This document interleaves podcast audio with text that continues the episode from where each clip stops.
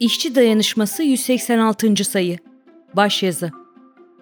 Felaketlerin ve ekonomik yıkımın bedelini ödemeyelim. Sömürü düzenine karşı birleşelim. Eylül ayında dünya liderleri G20, Birleşmiş Milletler gibi zirvelerde bir araya geldiler. Ukrayna'dan Nijer'e, Suriye'den Ermenistan'a yayılan savaştan, sellere, hortumlara, kuraklığa neden olan küresel iklim krizinden, derinleşen küresel eşitsizlikten, önü alınamayan göç sorunundan ve daha pek çok sorundan bahsettiler. Onlar gösterişli salonlarda konuşmalar yaparken bahsettikleri sorunlar yüz milyonlarca insanın yaşamını cehenneme çevirmeye devam ediyordu. Mesela Libya'da gerçekleşen sel felaketinde koca bir kent sulara gömüldü. 12 bine yakın insan öldü, bir o kadarı kayboldu. Sağ kalanlar bir yandan kaybolan yakınlarını ararken bir yandan açlık, susuzluk, salgın hastalık, barınma sorunu gibi sorunlarla karşı karşıya kaldı. Felaketin asıl kaynağı aşırı yağışlardan ziyade yıllardır güçlendirilmesi gerektiği bilinen ama güçlendirilmeyen iki barajın yıkılmasıydı. Bu ihmali ve yol açtığı felaketi protesto etmek için meydanlarda bir araya gelen Libya halkı, öfkeliyiz çünkü cehennemi yaşadık diyordu. Sadece son bir yıl içinde tıpkı Libya gibi Pakistan, Brezilya, Japonya, Çin, Slovenya, Yunanistan, Türkiye ve daha pek çok ülkede canların yitip gitmesine neden olan sellerin ardından benzer ihmaller ortaya çıktı. Aynı şekilde İran'da, Suriye ve Türkiye'de, Endonezya'da, Fas'ta depremler tam bir felakete dönüştü. ABD başta olmak üzere kasırga ve hortumlar, kışın aşırı soğuklar, yazın aşırı sıcaklar can aldı. Emperyalist savaşın alevleri Nijer'i, Azerbaycan ve Ermenistan'ı yokladı. Birleşmiş Milletler raporlarına göre pandemiden sonra dünyada 122 milyon insan daha açlığa sürüklenirken Ukrayna Savaşı açlığı daha da derinleştirdi. Açlık çeken insan sayısı 1 milyara yaklaşırken gıda şirketleri ise karlarını roket hızıyla arttırdı. İngiliz yardım kuruluşu Oxfam'ın raporlarına göre son yıllarda dünya genelinde 1 milyar 700 milyon işçinin ücreti enflasyonun gerisinde kaldı. Ama dünyadaki milyarderlerin serveti her gün toplam 2,7 milyar dolar arttı. Mesela bu yılda dünyanın en zenginleri listesinin zirvesinde yer alan Elon Musk'ın serveti 250 milyar doları aştı. Yani dünyamız küçücük bir azınlık için adeta bir harikalar diyarı, hatta cennet. Ama insanlığın büyük bölümü için gerçek bir cehennem haline gelmiş durumda. Dünyamızın bu tablosunun ressamı hiç kuşkusuz kapitalizmdir. İşçi Dayanışması'nın 180. sayısında yer alan Bu ekonomik düzeni değiştirsek ne olur başlıklı yazıda yaşadığımız dünya ve kapitalist sistem şöyle tarif ediliyordu. Kapitalizm özel mülkiyet ve kar üzerine kurulmuştur. Üretim araçlarının özel mülkiyetini elinde tutan sermaye sınıfı toplumun ihtiyaçlarını değil, karını düşünerek üretim yapar. Doğanın zarar görüp görmediğine, insanların acı çekip çekmediğine bakmaz.'' Bir işçi önderinin vaktiyle söylediği şu söz kapitalizmin özünü anlatır. Kapitalizm gölgesini satamadığı ağacı keser. Kapitalizmde devlet, medya, hukuk, eğitim, siyaset egemen olan sınıfın yani patronlar sınıfının çıkarlarına göre şekillenir. Devletin vergi yoluyla topladığı kaynaklar sermayenin ihtiyaçlarına göre kullanılır. Mesela kaynaklar asıl olarak eğitim, sağlık, konut gibi temel ihtiyaçlara ayrılmak yerine sermayeye teşvik olarak veya ihale yoluyla aktarılır. Siyaset bunun aracı haline getirilir. Devletin kolluk güçleri sömürüye itiraz eden emekçilerin üzerinde baskı kurmak için kullanılır. Zengin azınlığın, yoksul çoğunluğun emek gücünü sömürebilmesi sadece baskı ile olmaz. Çoğunluğun bu sömürüye aynı zamanda ikna olması gerekir. Bunun için de devreye ideolojik araçlar girer kapitalist sistemin topluma ve toplumun bireyleri olarak her birimize benimsettiği çeşitli düşünce kalıpları vardır. Bu sayede sömürü meşrulaştırılır ve bir doğa yasasıymış gibi kabul ettirilir. Tam da burada ifade edildiği gibi kapitalistler kendi düzenlerinin kötülüklerini yani sömürüyü, savaşları, felaketleri, acıları bir doğa yasası olarak, kader olarak kabul etmemizi istiyorlar. Sanki kendilerinin en ufak bir sorumluluğu yokmuş gibi davranıyorlar. Hatta karşımıza bir kurtarıcı edasında çıkıyorlar.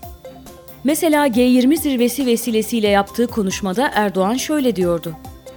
Bir parça ekmek ve su bulamadıkları için çocukların öldüğü, her yıl on binlerce umut yolcusunun çöllerde hayatını kaybettiği, denizlerimizin hızla devasa bir mülteci mezarlığına dönüştüğü, savaşlar ve çatışmalar dolayısıyla milyonların evlerini terk ettiği, onca retoriğe rağmen insan hayatının giderek değersizleştiği, ez cümle hemen yanı başımızda yürek parçalayıcı trajedilerin yaşandığı bir dünyada hiçbirimiz kendimizi güvende hissedemeyiz. Bir tarafta 735 milyon kişi açlıkla mücadele ederken, diğer tarafta lüks, şatafat ve israf alıp başını gitmişse burada çok ciddi bir sorun var demektir. Gerçekten de burada çok ciddi bir sorun var ve hiçbirimiz kendimizi güvende hissedemeyiz, hissedemiyoruz. Çünkü savaşların, yoksulluğun, depremlerin, sellerin, yıkımların kurbanı olan bizleriz. Bu sözleri söyleyen Erdoğan'ın yönettiği Türkiye'de yaşadıklarımıza bir bakalım. Sermaye sınıfının ve iktidarın yarattığı ekonomik yıkımın ağır bedeli emekçilere ödetiliyor. İşçi sınıfı ağır bir saldırı dalgası altında nefessiz bırakılıyor. Mesela orta vadeli program adı altında ortaya konulan plan, sermaye kesimini daha da palazlandırmak için işçinin, emekçinin kemerini daha da sıkma planıdır.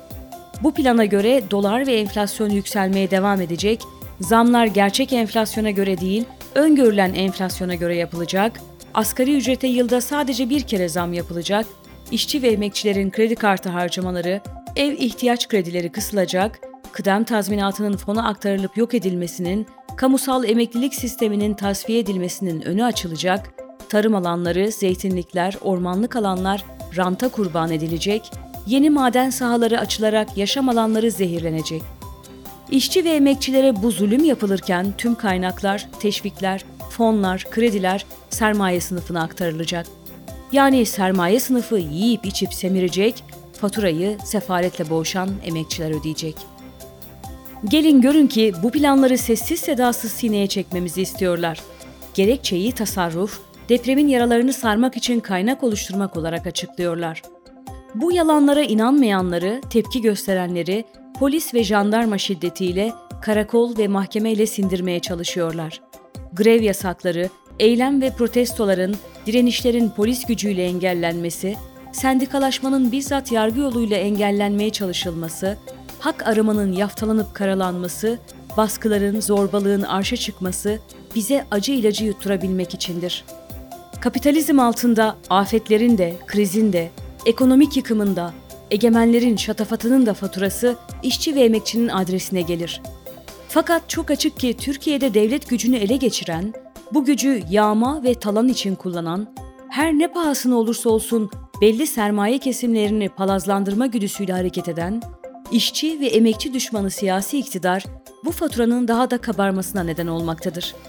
Mesela geçtiğimiz sene yükselen enflasyon ve baş edilemez hale gelen hayat pahalılığı nedeniyle çocuklar okullarda açlıktan bayılmaya başlamış, bu durum sıklıkla haberlere yansımıştı.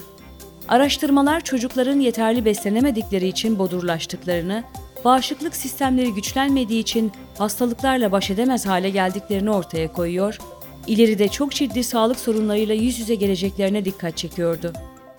Bu nedenle toplumda çocuklara okullarda ücretsiz, kaliteli ve sağlıklı yemek verilmesi talebi yükselmişti. Seçimler yaklaşırken Milli Eğitim Bakanlığı, Şubat 2023'ten itibaren okul öncesi eğitimdeki çocuklara bir öğün ücretsiz yemek verileceğini açıklamak zorunda kaldı. Fakat uygulama sadece bir dönem sürdürüldü ve deprem bölgesi hariç kaldırıldı. Hayat bağlılığı geçtiğimiz yıla göre artmaya devam ederken çocukların okulda beslenme sorunu iyice yoksullaştırılan ailelerin sırtına yıkıldı.